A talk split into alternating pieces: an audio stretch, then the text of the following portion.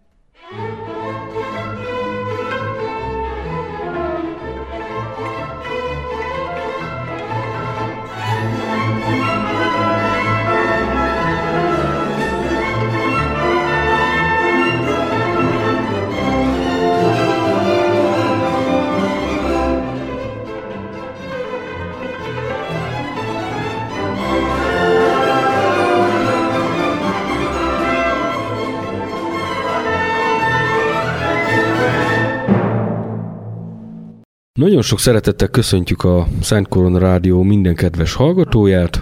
Ez itt a Harakútján című hat történeti beszélgetős műsorunk, soron következő 125. adása. Vendégem Ramjéger 83 a Katpolbogról. Üdvözlöm a kedves hallgatókat!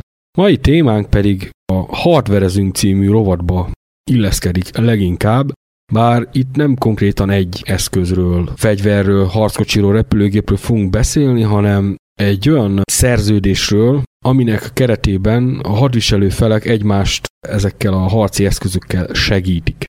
Hogy ne áruljak nagy zsákbomocskát, a híres, hírhet Lend-Lease, vagyis az amerikai kölcsönbérleti szerződés keretében az európai frontra leszállított elsősorban hardveres segítségről fogunk most beszélni és ezen belül is a Szovjetuniónak nyújtott segítségről. A kölcsönbéleti szerződésnek a története az elég nagy téma, több adást is megtöltene, ezért választottuk témának a Szovjetuniónak nyújtott segítség történetét ehhez az adáshoz. Így van, számtalan harckocsi típus, repülőgép típus, hogy csak az érdekesebb fegyvereket, illetve harci eszközöket említsük, került a Szovjetunióba segítség címén. Az egy elég általános vélemény volt, mind a háború alatt, mind pedig a háborút követően a hadtörténeti kutatásokban is, hogy a Szovjetunió a kapott angol száz segítség miatt tudta megnyerni úgymond a háborút. Most nagyon leegyszerűsítettem ezt a dolgot, ezt próbáljuk meg valamelyest árnyalni, illetve a tényeket megvizsgálni, hogy mennyire osztott, szorzott ez a fajta segítség, mennyiben köszönhető ennek az orosz győzelem. Ehhez az adáshoz is apropót szolgáltat az, hogy 70 éve zajlottak a világháború magyarországi eseményei, és hát az amerikai, illetve brit gyártmányú fegyverzet az magyar földön is jelentős szerephez jutott. Így van. Méghozzá azt lehet mondani, hogy legelőször ez jutott szerephez. Itt nem az angol száz terrorbombázásokra gondolok, amit a 17. légi hadsereg hajtott végre Olaszországról felszállva, hanem az első szovjet harckocsi, amely az 1944-es határokon Magyarország területére lépett, az vajon milyen harckocsi volt? Ez egy dízelmotoros Sherman változat volt az egyik szovjet harckocsi hadsereg képviseletében. Igen. A kölcsönbéleti szerződésről általában azt lehet mondani, hogy végső soron egy háborús munkamegosztás volt a hadviselő felek között, és az amerikaiak főleg az ipari kapacitással vették ki a részüket ebből a dologból. Ugye maga a kölcsönbéleti szerződés, mikor megköttetett, akkor a szovjet részvételről még szó sem volt, ugyanis ugye ez 1941 márciusi intézkedés volt. Hát szerintem az alapvető dolog, amit a kezdetekről el lehet mondani, hogy mind a britekkel, mind a Szovjetunióval azért az amerikai politikai vezetésnek volt érdekozonossága így a háborús erőfeszítéseket illetően, amit nagyon egyszerűen úgy lehetne összefoglalni, hogy nyilván az európai német dominanciát azt ugyanúgy fenyegetésnek tekintették, mint a britek. Ez már önmagában elég volt ahhoz, hogy okuk legyen az együttműködésre a britekkel a második világháborúba. A másik pedig az, hogy a japán terjeszkedést ugyanúgy veszélyforrásnak tekintették, mint a Szovjetunió. Ugye ez egy mellékes tényező és egy nem annyira ismert epizód a 20. századi történelemből, hogy a szovjetek hamarabb keveredtek fegyveres konfliktusba Japánnal, mint az amerikaiak. 1938-39 folyamán Manzsúriában, illetve ott a Vladivostok környéki határvidéken, Sőt, bizonyos szigeteken még a mai napig is vitatkoznak. Függetlenül attól, hogy a háború már véget ért. Meg hát arról nem beszélve, hogy a, a német terjeszkedést Európában a szövetek szintén fenyegetésnek tekintették. Annak ellenére, hogy szövetségesek voltak. Igen. És katonai, gazdasági, még minden szempontból együttműködtek egymással, ekkor még. Volt egy alapvetés a dologban már a 30-as évek végén, hogy a német és a japán fenyegetést el akarták hárítani az amerikaiak, és ehhez találtak maguknak alkalmi szövetségest a szovjetek, illetve a britek személyében. Tehát ez már önmagában megágyazott ennek a majdani szerződésnek, és ugye amikor 41 márciusában ezt a törvényt meghozta az amerikai törvényhozás, akkor lényegében a csendes óceáni hadbalépése Amerikának az már csak idő kérdése volt, és ezt igazából a politikai vezetés már átérezte, az más kérdés persze, hogy nem, úgy, nem olyan módon tervezték a hadbalépést, mint ahogy megtörtént ugye a Pearl Harbori támadás után. Az nyilvánvaló volt, hogy a briteknek segítségre lesz szüksége ott is, tehát az ázsiai hadszintéren, a japánokkal szemben, illetve már nagy szükségük van rá az európai hadszintéren. A németek megverték a francia hadsereget, az ős ellenséget, Angliát meg visszazavarták a szigeteire, flottástól, kutyástól, macskástól, pihentek sebeiket nyalogatva a kedves kis szigetükön. Azért 41-ben már az is körvonalazódott, hogy szükség lesz egy második frontra Európába. Persze ez még a távoli jövő volt akkor, de azért a koncepció már létezett, hogy majd partra kell szállni valahol Franciaországba.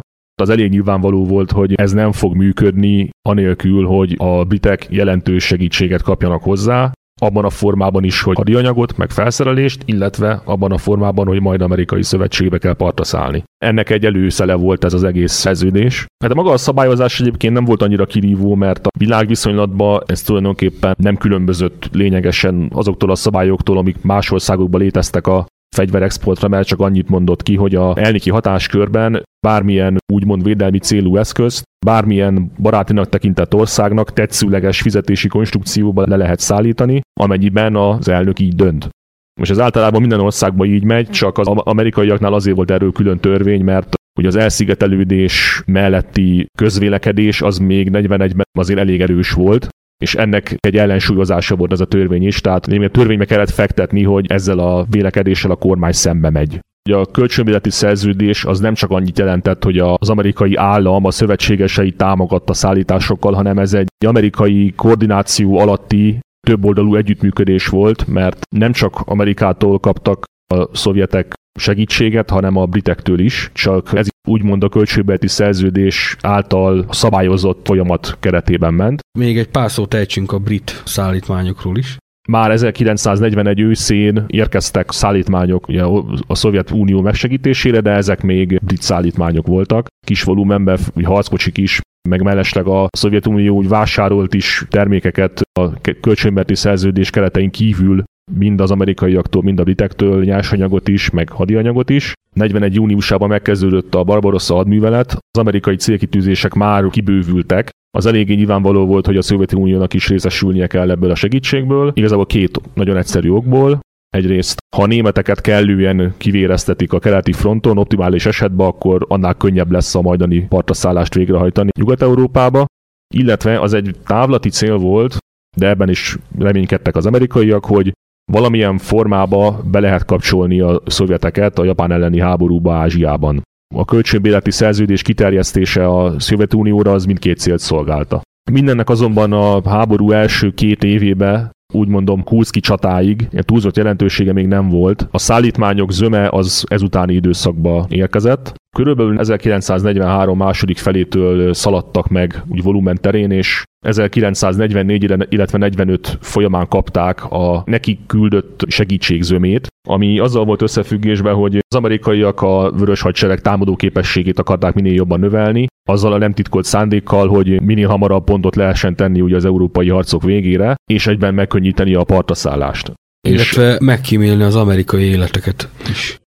Ne felejtsük el, hogy ugye az amerikai haderők azok több ezer kilométerre harcoltak az anyaországtól, és ezeknek a logisztikai ellátása is azért nagy nehézségekbe ütközött. Az amerikaiak ugye elősen korlátozott mértékű erőket tudtak harcban tartani a különböző hadszintereken, mondjuk összehasonlítva a Szovjetunióval. Most nagyon egyszerűen megfogalmazva, ugye minden egyes harckocsit, puskát, tüzérségi eszközt, az több ezer kilométert kellett hajózni, majd azután vasútra rakni, és azután lehetett bevetni. Ez nyilván egyet jelentett azzal, hogy az amerikaiak azért végső soron halogatták a második front megnyitását, mármint a fő irányban, mert Észak-Afrikában már korábban sor került, illetve Olaszországban is. Mellesleg az amerikaiaknak szándéka lett volna korábban megnyitni a második frontot, csak a britekkel folytatott folyamatos kompromisszumok eredménye lett az, hogy végül is úgy alakult a brit-amerikai szerepvállalás Európában, ahogy végül. Ennek az volt a következménye, hogy a második front sokkal később nyílt meg, mint amit a szovjetek folyamatosan követeltek az addigi tárgyalásokon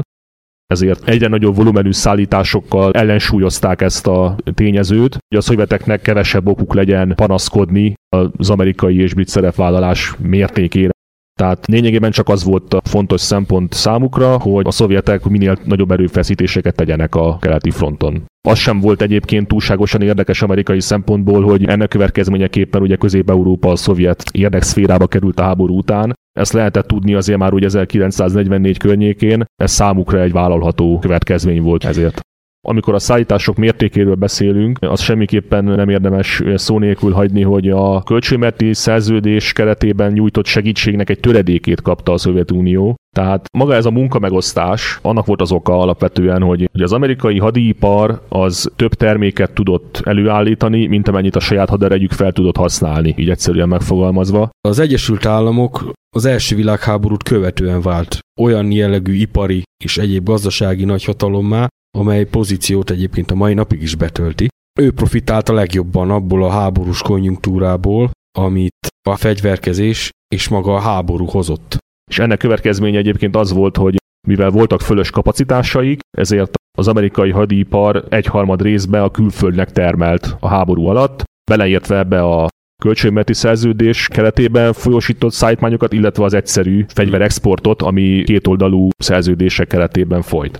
Ezzel azonban az amerikai állam is igencsak jó járt, pontosabban az amerikai állam nem, mert amennyire én tudom, ezeket a termékeket a gyártóknak az amerikai állam fizette ki. Igen. Csak hogy érzékeltessük, hogy mekkora szállításokról volt szó. Ugye 1945-ös árfolyamon összesen 24 milliárd dollárt tette ki az összes szállítás. Most persze ez nem mond sokat máma, de az már többet mond, hogy összesen 18 millió tonna áruról beszélünk, és ezeket összesen 38 állam kapta, amennyiben a brit nemzetközösség államait ugye külön vesszük.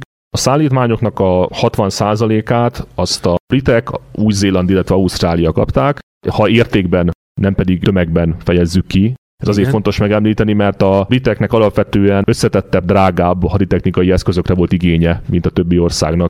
Tehát haditengerészeti, meg légi eszközök. Ezek ugye értelemszerűen drágábbak. Igen, meg ezek késztermékek. A szovjetek pedig összes szállítmány 23%-át kapták, és rajtuk kívül még két ország volt, ami nagyobb tételt kapott. Egyrészt a Kuomintang, tehát a kínai nacionalisták, illetve a szabad franciák de vezetése alatt. Ők 8-8%-ot kaptak, és a többi kedvezményezett ország az ezekhez képest elenyésző mennyiségeket. Tehát lényeg az, hogy a Szovjetunió nem egészen egy negyedét kapta az összes szállításnak, viszont voltak jelentős különbségek, ugyanis nagyon egyszerűen összefoglalva, hogy a szovjetek kedvezményezett státuszban voltak, a kölcsönbeleti szerződést egy olyan állami ügynökség felügyelte, mi csak az elnöknek volt felelős, és amennyiben egy ország ugye katonai segítséget kívánt kapni az amerikaiaktól, akkor ennek az állami ügynökségnek le kellett adni egy kérvényt, amiben meg kellett indokolni, hogy mire van szükségük, és azt is meg kellett indokolni, hogy ezt ők hatékonyan be tudják vetni a saját fegyveres erőikbe integrálva, hogy úgy mondjam. Nyilván az ügynökség ezt elbírálta, ezt hosszadalmas vitákra okot adott, és ha jóvá is hagyták a szállítást, akkor az ügynökségnek bármikor joga volt a szállításokat csökkenteni vagy felfüggeszteni, attól függően, hogy milyen nehézségek adódtak a fizetésnél vagy a szállításnál. Ugye minden ország, ami a kölcsönberti szerződés keretében segítséget kapott, az ilyen adminisztráció mellett kapta, kivéve a Szovjetuniót, ugyanis ott az volt az egyszerűsített ügymenet, hogy a Szovjetunió bemondásra megkapott bármilyen amerikai segítséget, amit az amerikaiak egyáltalán nyújtani tudtak. A Szovjetunió kérhetett bármit. Igen, bármit kérhettek az amerikaiaktól, a szállításoknak csak a szállító kapacitás szabott határt, nem kellett indoklást fűzniük hozzá, nem kellett végigvinniük egy hosszadalmas bürokratikus folyamatot, úgyhogy ez kedvezményezett helyzet volt. Ehhez még az is hozzájárult, hogy a britek ugye valutába, illetve aranytartalékok formájába törlesztettek, a szovjetek esetében pedig az volt a megegyezés, hogy majd tetszőleges formába a háború után törlesztenek. Ennek egyébként az volt az oka, hogy egyrészt az amerikaiaknak nem volt világos képe arról, hogy a szovjet aranytartalékok, illetve valutatartalékok mekkora méretűek. Úgy általában a szovjet katonai és gazdasági potenciáról kevés információjuk volt. Beszélhetnénk akkor a tényleges segítségről. Itt már szóba került a szállítás kérdése. Most ha ránézünk a térképre, akkor adott a helyzet, háromféleképpen lehet a Szovjetunióba árut szállítani, ezekről beszéljünk most egy pár szóval. Első lépésben ahhoz, hogy a szovjetek fel tudják használni a kapott segítséget, azt el kellett juttatni oda. Ez nem volt egyszerű feladat, abból az egyszerű okból, hogy a szovjet infrastruktúra 1941-es állapotába ezeket a szállításokat fel se tudta volna dolgozni. Magyarán önerőből nem tudták volna eljuttatni ezeket a szállítmányokat a rendeltetési helyükre. Ennek folyamányaként az amerikai segítség első lépcsőbe arra irányult, hogy egyáltalán a többi szállítmányt megfelelő sebességgel tudják eljuttatni a frontra. Magyarul legelőször szállítóeszközöket küldtek, illetve segítettek kiépíteni a kapacitást. A szállítások három útvonalon mentek, ezek közül a legfontosabb a csendes óceáni volt. Itt összesen több mint 9 millió tonna áru jutott el a Szovjetunióba. A Szovjetunió nem rendelkezett annyi hajókapacitással sem, hogy ezt leszállítsa. Éppen ezért volt arra szükség, hogy a kölcsönbéleti szerződés keretében ugye összesen 128 teherhajót igénybe vegyenek az amerikaiaktól. Ennek zöme új, tehát frissen legyártott Liberty osztályú teherhajó volt. Ezeket ugye átutalták szovjet tulajdonba, és szovjet legénység intézte magát a szállítást, tehát egyszerűen a legénység elment Amerikába, ott kiképezték őket a hajóra, majd a hajókat a szállítmányal együtt szépen elvitték haza, és tovább használták. Rendben van. Most elmegyünk egy kis zeneszünetre, és nem sokára folytatjuk. Stalin wasn't stalling when he told the beast of Berlin that they'd never rest contented till they had driven him from the land. So he called the Yanks and English and proceeded to extinguish the Fuhrer and his vermin. This is how it all began. Now the devil he was reading in a good book one day how the Lord created Adam to walk the righteous way, and it made the devil jealous. He turned green up to his horns. and he swore by things unholy that he'd make one of his own. So he packed two suitcases full of grief and misery, and he caught the midnight special going down to Germany. Then he mixed his lies and hatred with fire and brimstone. then the devil sat upon it. That's how Adolf was born. Now Adolf got the notion that he was the master race, and he swore he'd bring new order and put mankind in its place. So he set his scheme in motion and was winning everywhere until he upped and got the notion for to kick that Russian bear. Stalin wasn't stalling when he told the peace of Berlin that they'd never rest contented till they had driven him from the land. So he called the Yanks and English and proceeded to extinguish the Fuhrer and his vermin. This is how it all began. Yes, he kicked that noble Russian, but it wasn't very long before Adolf got suspicious that he had done something wrong. Cause that bear grabbed the Fuhrer and gave him an awful fight. 17 months he scrapped the Fuhrer tooth and claw day and night. Then that bear smacked the Fuhrer with a mighty armoured paw, and Adolf broke all records running backwards to Krakow. Then Goebbels sent a message to the people everywhere that if they couldn't hit the Fuhrer, God don't hit that Russian bear.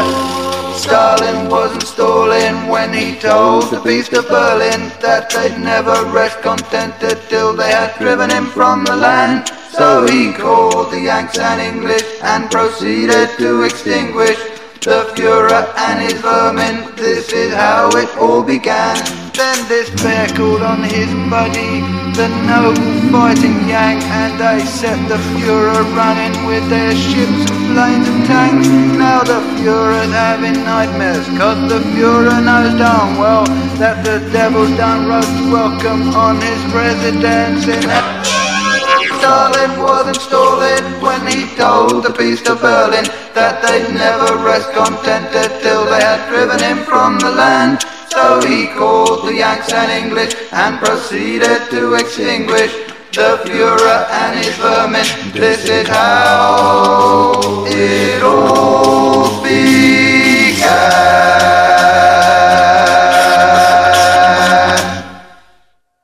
Ez a csendes óceáni útvonal, ez földrajzilag hol van? Tekintve, hogy ott van köztük egy japán.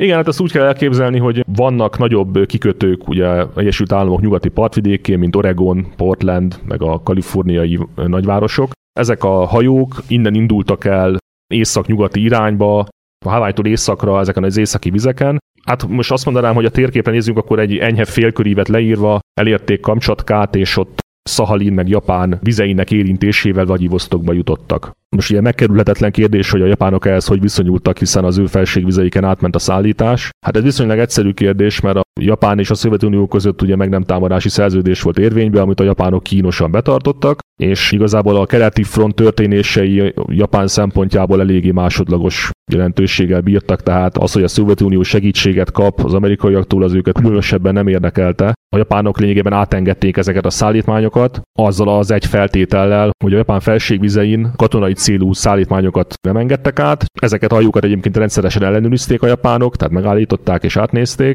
és a fegyverzetet szállító hajók ebben a térségben egy kitérővel voltak kénytelenek Vladivostokba menni, ugyanis ugye Szahalin szigetét meg kellett kerülniük északról, ami egy, hát az egész útvonal szempontjából nem olyan nagy Kitérő. kitérő, de ott helyszínileg az. Mellesleg azt el kell mondani, hogy a 128 hadihajóból ugye 23 oda veszett a szállítások során, részben azért, mert az amerikaiak tévedésből megtorpedózták. Az amerikaiak is aktívan Igen. Ott voltak a csendes óceánon, a japán kereskedelmi flotta ellen. Igen, és hát ott a Csendes óceán ugye észak-nyugati térségében át olyanok, amilyenek a éghajlati viszonyok, tehát azért nem olyan nehéz összekeverni egy szovjet lobogót a Japánnal, főleg nem éjszaka. Főleg, hogyha ezek a hajók szintén nem kivilágítva közlekedtek. De mi a helyzet Vladivostokban? Ugyanis nem tudom mennyire volt az a cső keresztmetszet meg, ami ezt a millió árut be tudta fogadni. Tekintve, hogy háborús sérüléseket a város maga nem szenvedett.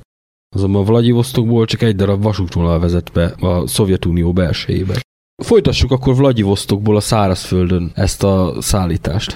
Az egyik nagy segítség, amire a szovjetek rászorultak, az ugye a hajókapacitás növelése, de szükség volt még a vasúti kapacitás növeléséhez is. Valóban ugye a Vladivostokból a transzibériai vasút akkori állapotában az egy szűk keresztmetszetet jelentett, szükség volt kibővíteni az egész szovjet államvasutak hálózatát, egyrészt Szibériában, másrészt pedig a közép-ázsiai régióban, arról majd mindjárt szó lesz a másik útvonal kapcsán. Ennek érdekében érdekességképpen el lehet mindjárt mondani, hogy Ugye összesen 540 ezer tonna vasúti sín kaptak a szovjetek a kölcsönbéleti szerződés keretébe, a bitektől plusz 80 ezer tonnát. Ebből a mennyiségből felépítettek annyi vasútvonalat a háború alatt, amennyit a háborút megelőző 10 évben összesen. Ez ugye érzékelteti az arányokat. 48 ezer tonna sim volt a szovjet termelés ugyanebben az időszakban, tehát a töredéke a szállításoknak. Lényegében tehermentesítették ezzel is a szovjet nehézipart, azt lehet mondani.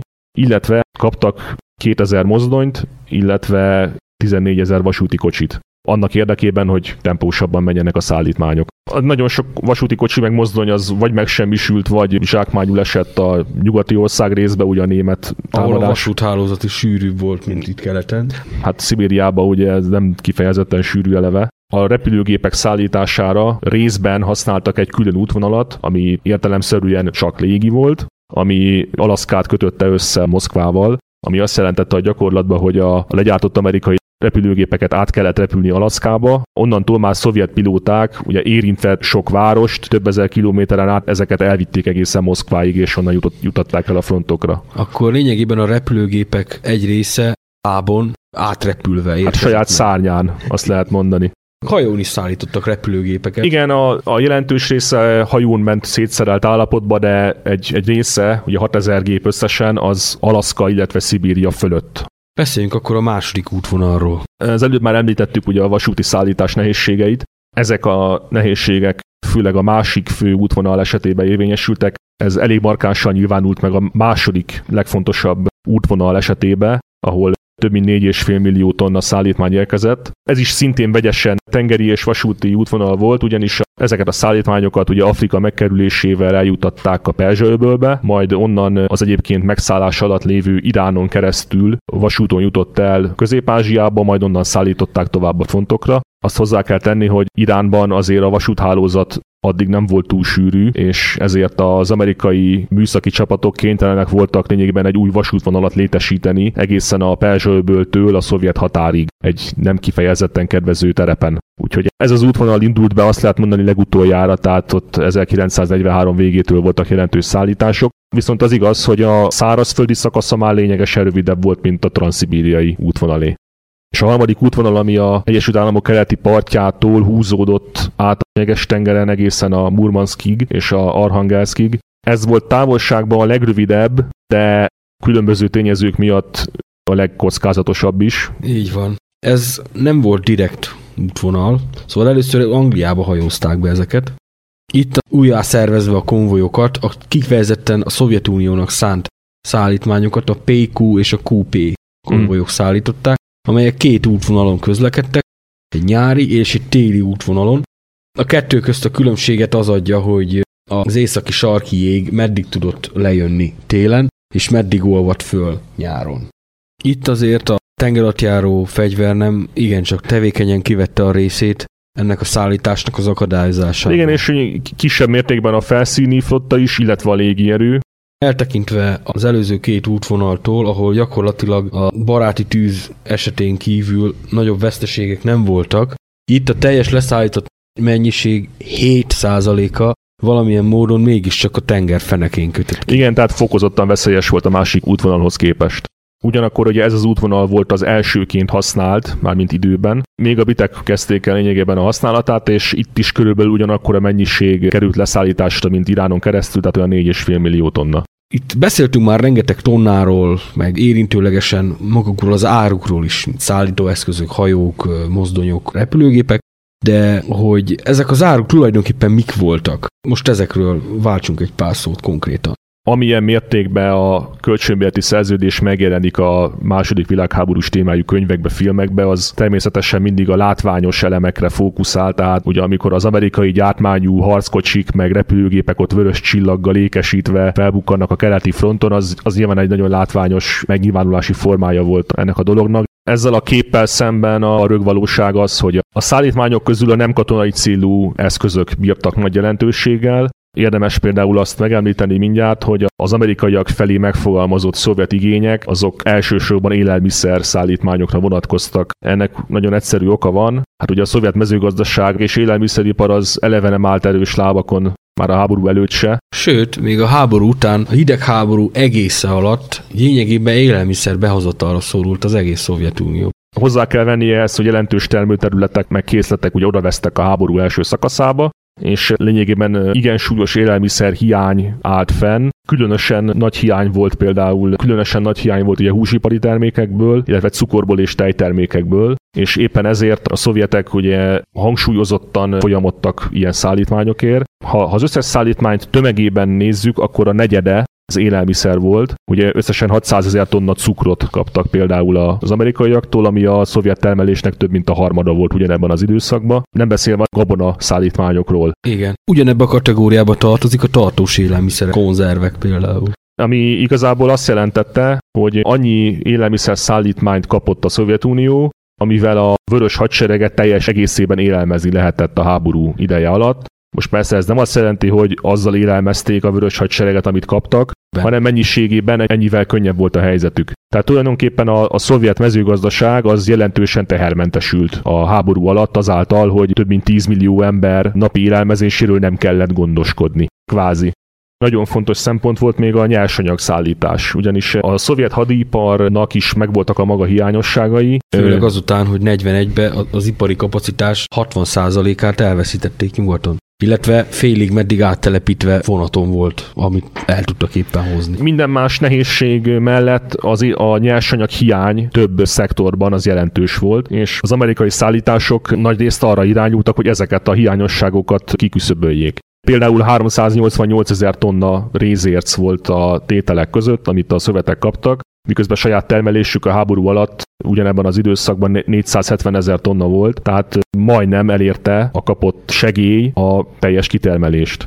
Hasonló volt az arány az alumínium esetében, ami nyilvánvalóan fontos feltétele a repülőgépgyártásnak, hogy másról hirtelen ne beszéljünk. Bár ezt a szovjetek megoldották eleinte, hogy ilyen favázas konstrukciók. Igen, hát az alumínium hiányával valahogy még megbirkóztak. Különböző technológiai problémájuk is volt azzal, hogy nem volt fejlett alumínium iparuk sem. Igen. És a háború előtt is importáltak alumíniumot. Azért ne felejtsük el, hogy itt egy olyan országról van szó, ahol a kollektivizálási program kezdetén két millió falke volt használatban, illetve amikor ugyanezekben az években elkezdték építeni a Turkszib névre hallgató vasútvonalat, ami ahogy nevéből is adódik, hogy a Turkesztán Szibériával kötötte össze, akkor Németországból kellett importálniuk a sineket, mivel a szovjet nehézipar ekkoriban még olyan szinten sem állt, hogy a vasútépítési programját sinekkel lássa el. Tehát azért itt komoly hiányosságok voltak az ipari fejlődés terén, és ezeket a háborúba ugye igen fontos volt valamilyen formában kezelni az amerikai segítség az, az ebben nagy szerepet játszott. El lehet még azt is mondani, hogy ötvöző filmekből is nagy tételbe kaptak, ami szintén nagyon fontos ugye a hadipari termeléshez. Magához az ipari, nehézipari termeléshez is, szerszámgépek gyártásához. Hát igen, és a szerszámgépekből is 45 ezeret kaptak, ami egy viszonylag kis mennyiség volt a saját termeléshez képest, ami 114 ezeret ért el, de ezek az amerikai szerszámgépek, ezek sokkal nagyobb teljesítményűek és jobb minőségűek voltak, mint a szovjet típusok. Így van. És eh, ami egy még érdekesebb szegmense ennek a dolognak, és kevés figyelmet kap, hogy az amerikaiak ugye komplet gumigyárakat, villamoserőműveket és olajfinomítókat szereltek szét és szállítottak át a Szovjetunióba. Az ilyen természetű szállítások között ugye az volt a logika, hogy gazdaságosabb növelni a szovjet gyártókapacitást, mint késztermékeket leszállítani több ezer kilométerre. Akkor térjünk át a katonai jellegű szállítmányokra. Kezdjük a szállítójárművekkel. Erről már érintőlegesen beszéltünk.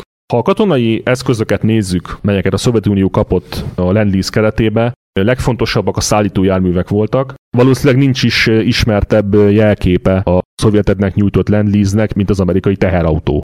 Igen ami ugye 1944-45 folyamán ugye az amerikai gyártmányú teherautók ugye robognak nyugat felé, összesen 384 ezer amerikai teherautót kapott a Szovjetunió, ami egyrészt abból a szempontból is jelentős volt, hogy több mint a fele volt annak a mennyiségnek, amit teherautókból az összes hadviselő fél kapott amerikai forrásból, illetve több volt, mint a szovjet teherautó gyártás volumene a háború alatt, Most ami a teherautókat illeti, ugye a szovjet gyártmányú teherautók ugyan műszakilag nem maradtak el az amerikaiaktól jelentősen, viszont a terepjáró képességük sokkal gyengébb volt. Ebből kifolyólag nem voltak kifejezetten alkalmasak arra, hogy a frontzónákban hatékonyan lehessen ezeket használni. El kell mondani, hogy elsősorban arra használták ezeket a szovjetek, hogy a könnyebb tüzérségi eszközöket viszonylag gyorsan tudják mozgatni a front különböző szakaszai között, ahogy éppen a helyzet megkívánja. Ez a német forrásokban vissza, visszatérő fogalom a Pak front, ami azt jelentette, hogy a háború késői szakaszában a szovjetek már képesek voltak arra, hogy viszonylag rövid, rövid idő alatt páncéltörő tüzérségből páncéltörő követeket hozzanak létre a német áttörések helyszínén, ez nem lehetett volna lehetséges az amerikai teherautók nélkül, a jelentőségük az nagy volt. Nem kevésbé ismert szimbóluma ugye az, az amerikai ipari kapacitásnak a Jeep. Amit a világon mindenütt használtak, még a németek is. A szovjetek is kaptak 53 ezer példány belőle, ami körülbelül negyede volt az összes jeepnek, amit az amerikaiak leszállítottak a háború segítségnyújtás gyanánt, illetve 34 ezer motorkerékpár is, köztük Harley Davidson és Indian típusú motorok, tehát a Lend-Lease jó voltából ugye az egyszerű orosz muzsik is megismerette a Harley Davidson-t, 3500 Ford típusú kétéltű csapatszállító is rendszerben állt a vörös hadseregbe. Erről érintőlegesen el lehet mondani, hogy a szovjetek nyilván nagy hasznát vették, hiszen a keleti fronton elég sok a folyó. Igen. Ugyanakkor az amerikaiaknak olyan nagy szüksége ezekre a típusokra nem volt, hiszen az ő hadműveleti területeiken nem volt olyan gyakori feladat a folyó átkelés, mint a keleti fronton. Na most, ha a páncélosokat nem számítjuk, mert az külön téma, hogy a szovjetek kaptak összesen 7300 harcjárművet, Egyébként a Lend keretében ilyen harcjárművekből összesen 58 ezer került leszállításra, tehát azért csak úgy megjelzem, hogy ennek valóban egy kis töredéke volt, amit a szovjetek kaptak. Például az általános mondhatóból, azaz Universal Carrier, több mint 2500 darabot használtak, ez egy könnyű lánctalpas vontató, illetve érdemes megemlíteni az M2 és M3 típusú PSH-kat, azaz pálcélozott szállító hadszáműveket, melyekből majdnem 4000 érkezett a Szovjetunióba, de ők nem abban a szerepkörbe használták, mint eredetileg. Igen, ez, ez egy általános jelenség volt egyébként, hogy a szovjetek nem feltétlenül arra használták a kapott eszközöket, ami eredeti céljuk volt. Például ezeket a járműveket használták önjáró légvédelmi tüzességi eszköznek, illetve vezetési pontnak a parancsnokok részére a fronton. Összefoglalva több feladatra is használták, csapatszállításra nem. Arra ott voltak a teherautók. Igen.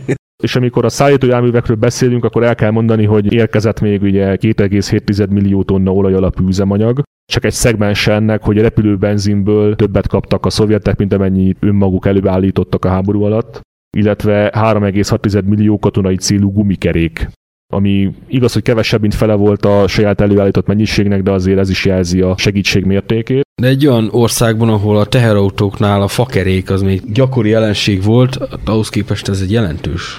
Igen, és összességében kétszer annyi teherautót, terepjárót és egyéb szállítójárművet kaptak a, az amerikaiaktól és britektől, mint amennyi a saját termelésük volt ezekből a kategóriákból a háború alatt. Ez az adat fennmaradt a háború végéről, hogy 665 ezer motorizált katonai jármű volt a vörös hadsereg használatában, most beleértve mindent, ami motorizált és katonai célú jármű. A, motor, a motorkerékpároktól a nehéz páncélosok. Igen, és, ebb, és ebből a 665 ezerből 427 ezer volt amerikai és brit gyártmány. Ez is jelzi a segítség mértékét. Most megint elmegyünk egy kis zeneszünetre, és nem sokára folytatjuk. Броня крепка, и танки наши быстрые, И наши люди мужество полны. В строю стоят советские танкисты, Своей великой родины цели. Гремя огнем, сверкая блеском стали, Пойдут машины в яростный поход.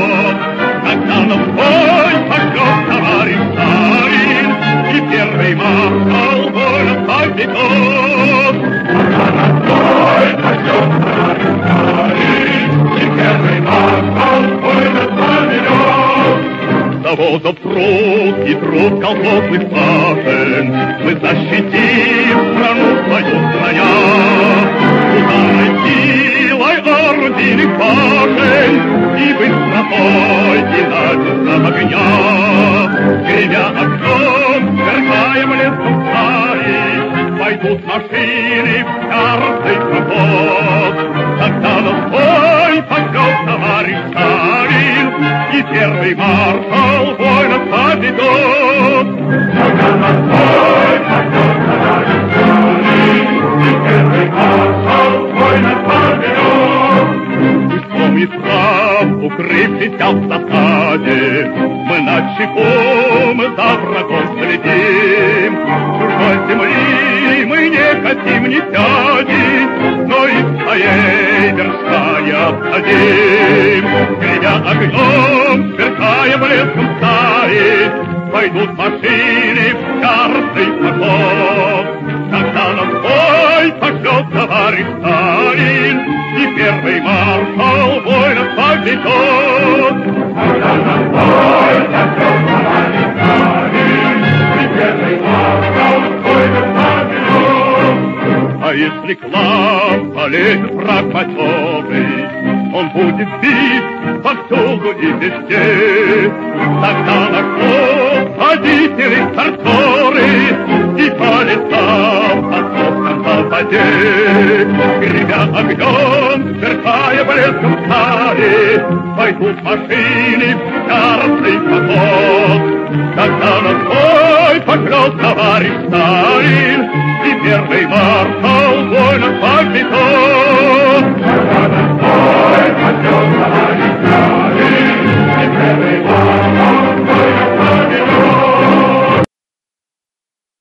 Akkor térjünk át a páncélosokra. A szovjet harckocsipar jelentős eredményeket már elért a háború előtt is, és a háború alatt is azért több használható típus produkáltak, Számszerűleg is, meg minőségben is. de ettől függetlenül az tény, hogy a Lend-Lease keretében leszállított harckocsiknak a felét a Szovjetunió kapta, sőt 1943-ig többet kaptak, mint bármely más ország az amerikaiaktól. Összesen 11,5 ezer könnyű harckocsit szállítottak le, ebből 1700-at kaptak a szovjetek. Ugye ez volt az M3 Stuart típusú könnyű harckocsi, amit igazából a szovjetek kedveltek a jó műszaki tulajdonságai miatt, egy fő hátránya volt, ami a többi amerikai típusnak is általánosan hátránya volt az, hogy magas. Jó célfelületet biztosított a német páncélromboló járőröknek és páncél elhárító ágyuknak. Igen, és ezen felül az amerikaiaktól kaptak 5500 közepes harckocsit, Azon belül is két típus. Ebből az 5500-ból körülbelül 4000 volt a híres ugye, M4 Sherman, ezen belül is két dízelmotoros változat, ezeket fele-fele arányba kapták, Annyi a különbség, hogy az egyik a 75 mm-es, a másik a meg a nagyobb teljesítményű 76 mm-es löveggel volt felszerelve. Bár azt hozzá kell tenni, hogy ez a 76 mm-es löveggel felszerelt verziók csak 1945 elején kezdtek megérkezni a csapatokhoz. A kisebbik szállítási tételt azt az M3 Lee jelentette, amelyből 1300 darabot kaptak a szovjetek, ezek is mind dízelmotoros típusok voltak.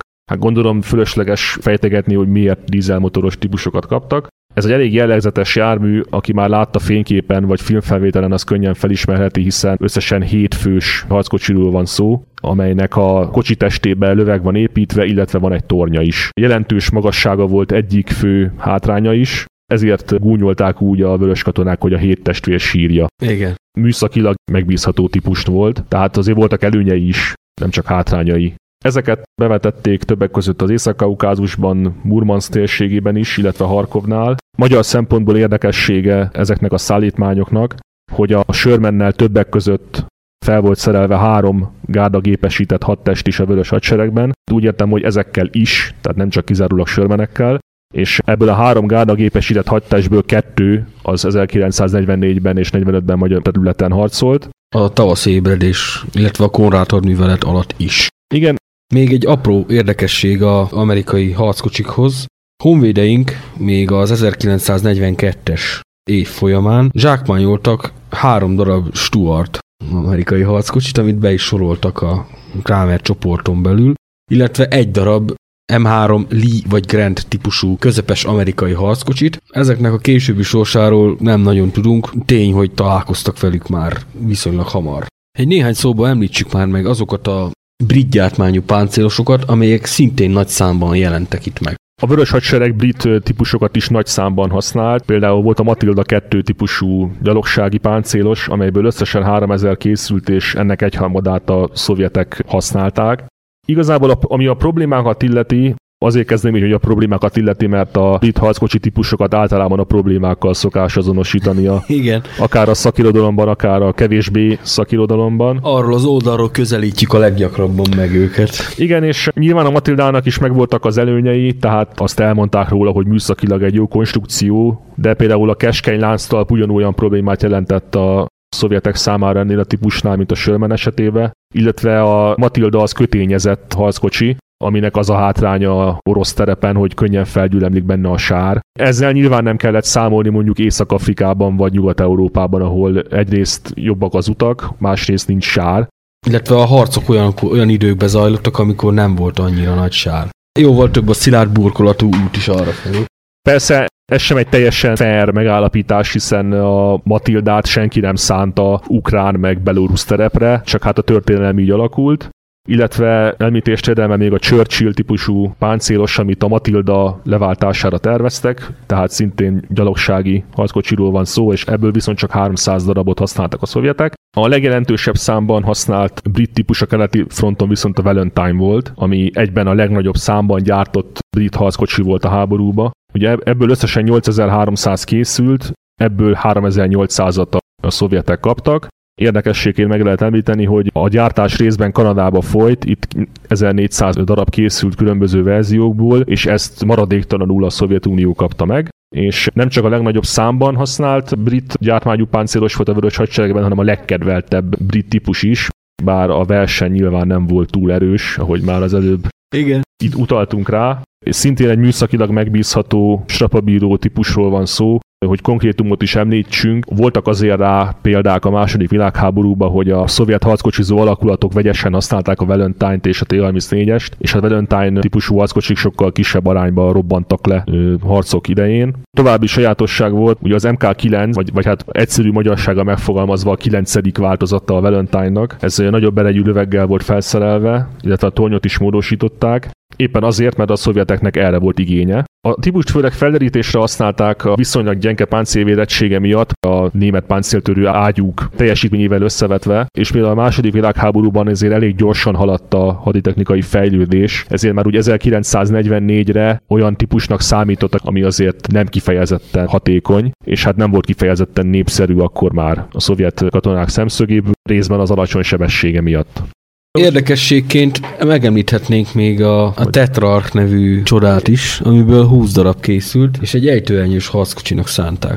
És a szovjetek is használták, igen. Igen, ugyanis az angoloknál nem váltotta be hozzáfűzött reményeket, azonban a szovjeteknek elküldték őket, majd jó lesz valamire alapon, de hát a szovjetek sem voltak nagyon elragadtatva ettől a azt el lehet mondani, hogy a, Cromwell típusú páncélosból is kaptak a szovjetek tesztelésre, de úgy sok fantáziát nem láttak benne, hiszen a T-34 is sokkal jobb paraméterekkel bírt illetve a Pershing, azaz M26 nehéz páncélosból is kaptak tesztelésre példányokat, de mivel azért a saját hasonló kategóriájú eszközeik már beváltak, ezért igazából ez a Pershingekkel nem sok mindent kezdtek.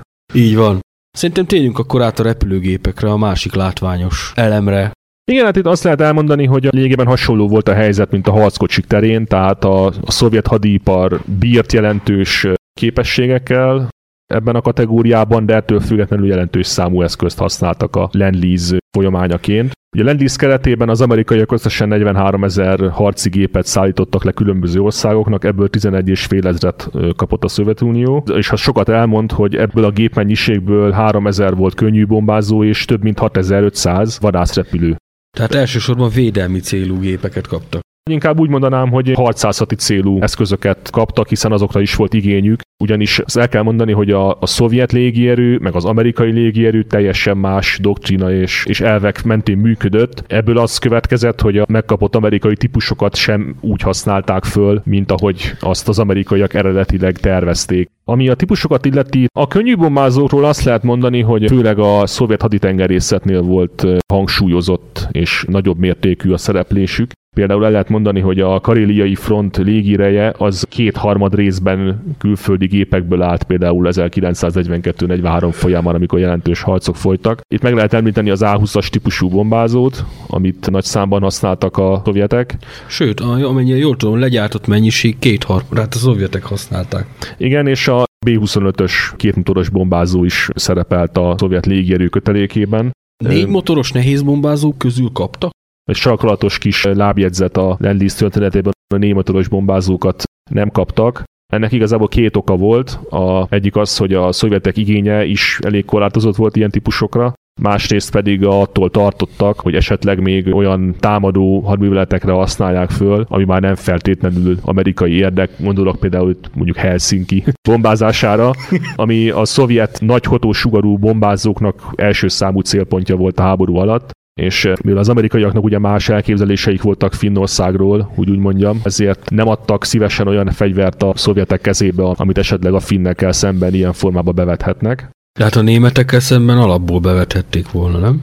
Hát bevethették volna, de az amerikai meg a brit nehéz bombázó erők azért olyan mértékű fölényben voltak bármilyen szovjet képességgel összehasonlítva, hogy azt a szükséges tevékenységet elvégezték önmaguk a német célpontok ellen. Másrészt azért figyelembe kell venni, hogy mondjuk szovjet támaszpontokról támadni német célpontokat az mondjuk kicsit kockázatosabb, hiszen sokkal nagyobb távolságokat kell lerepülni, illetve ezeket is ellenséges terület fölött. Ebben az elméleti esetben valószínűleg szép veszteségi mutatókat produkáltak volna ezek a bombázók.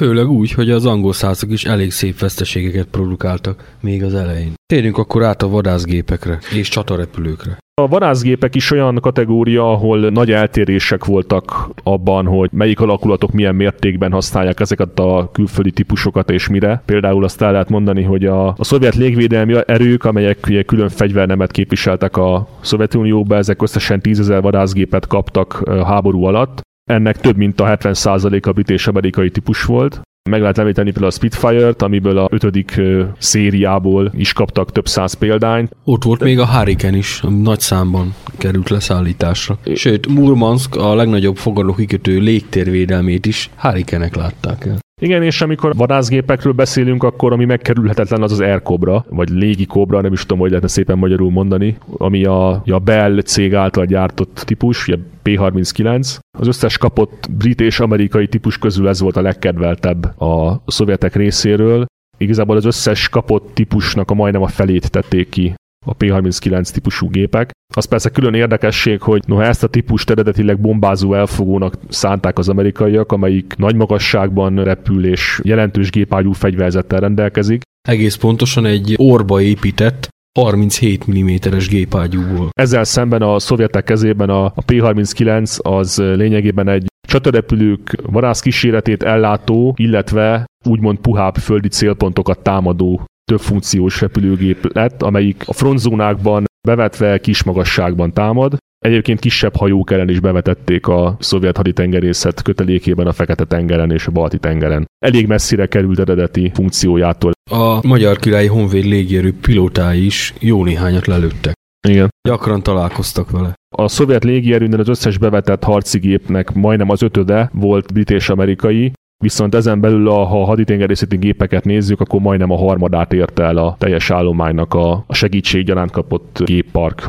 Milyen egyéb eszközök lehetnek még? Megemlíthető még az a 6600 tábori és partvédelmi löveg, amit szintén amerikai készletekből kaptak a szövetek, és felhasználtak a háborúba. A kézi fegyverekből és ezekhez szabályosított lőszerből teljesen elenyésző volt a szovjeteknek érkezett mennyiség, összehasonlítva a többi megsegített országba érkezett szállítmányhoz képest ami nem véletlen, hiszen a, a szovjet hadipar képes volt korábban is megfelelő mennyiségű kézi fegyverrel ellátni a hadsereget. Különösebb igényük amerikai segítségre ebben a tekintetben nem volt. Kaptak továbbá 300 ezer tonna robbanóanyagot, ami a teljes szovjet termelés felét tette ki és ami viszont ennél egy fontosabb tétel, és viszont sokkal kevésbé látványos egyben. A szovjetek például kaptak 416 ezer telefonkészüléket, ami a Lendlease keretében leszállított mennyiségnek az öme volt, ami egy nagy segítséget jelentett mondjuk a hadműveletek tervezésénél, illetve a harctéri koordinációnál. Már csak azért is, mert nyilvánvalóan a telefongyártás az hát nem volt egy kifejezetten fejlett Szovjet szektor.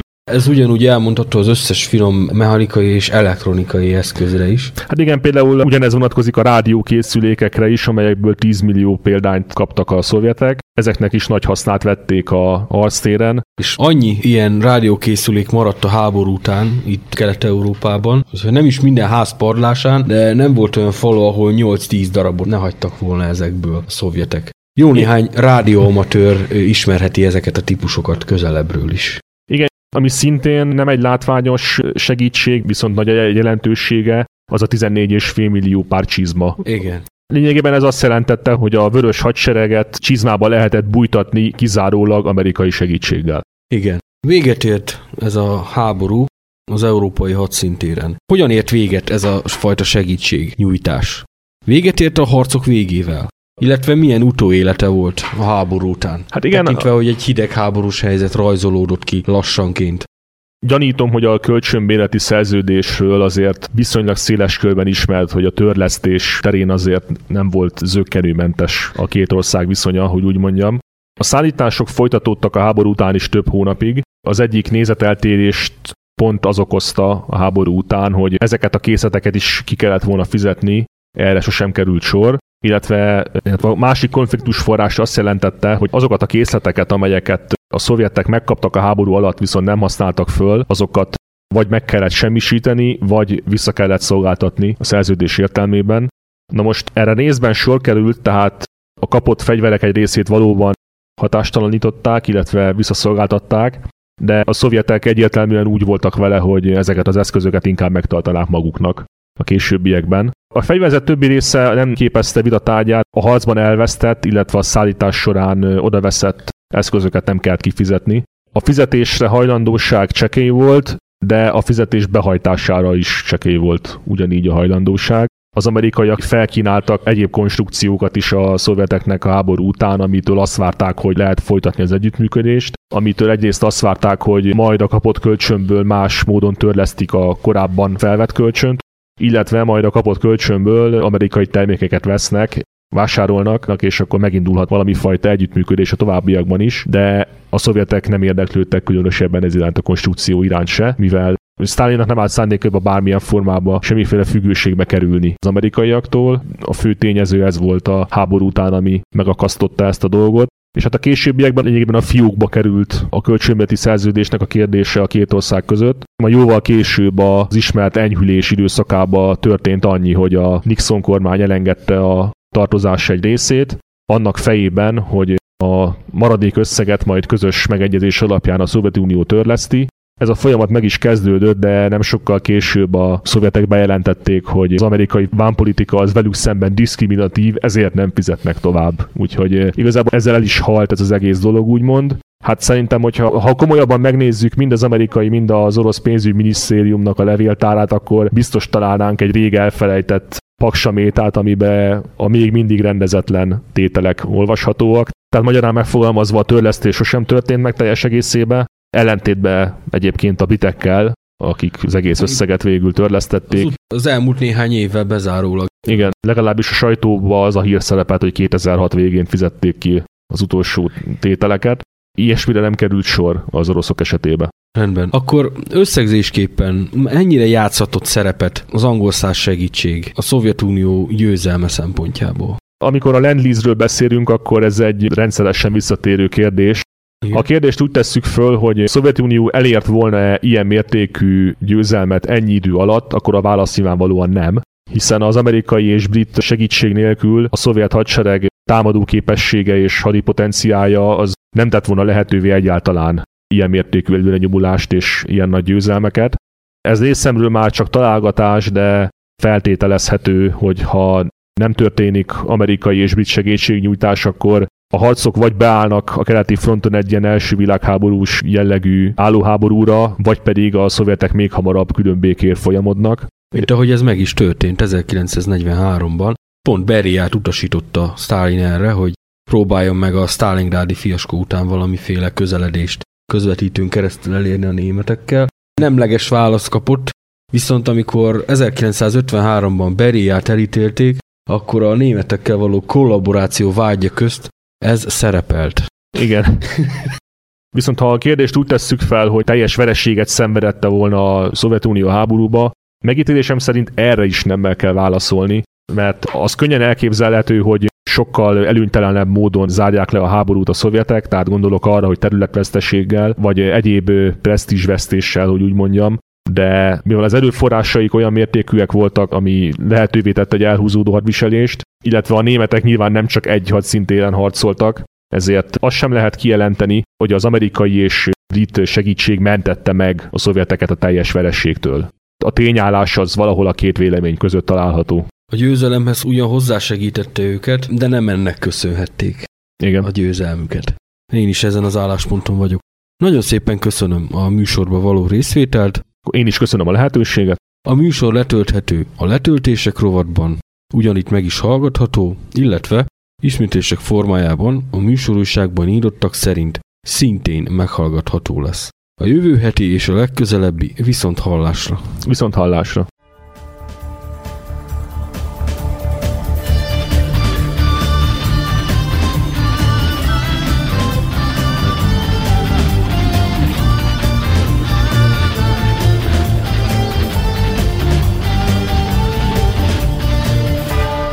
www.szentkoronarádió.com A tiszta magyar hang. Itt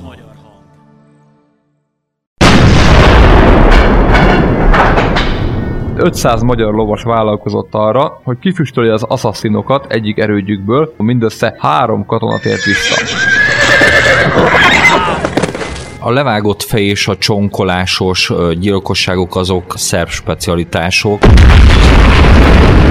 Hadak útján minden szombaton 17 óra 30 perctől A Szent Korona Rádióban. Mindenki vegye maga elé a saját otthoni kalasnyikov. Ja, senkinek nincs, igen.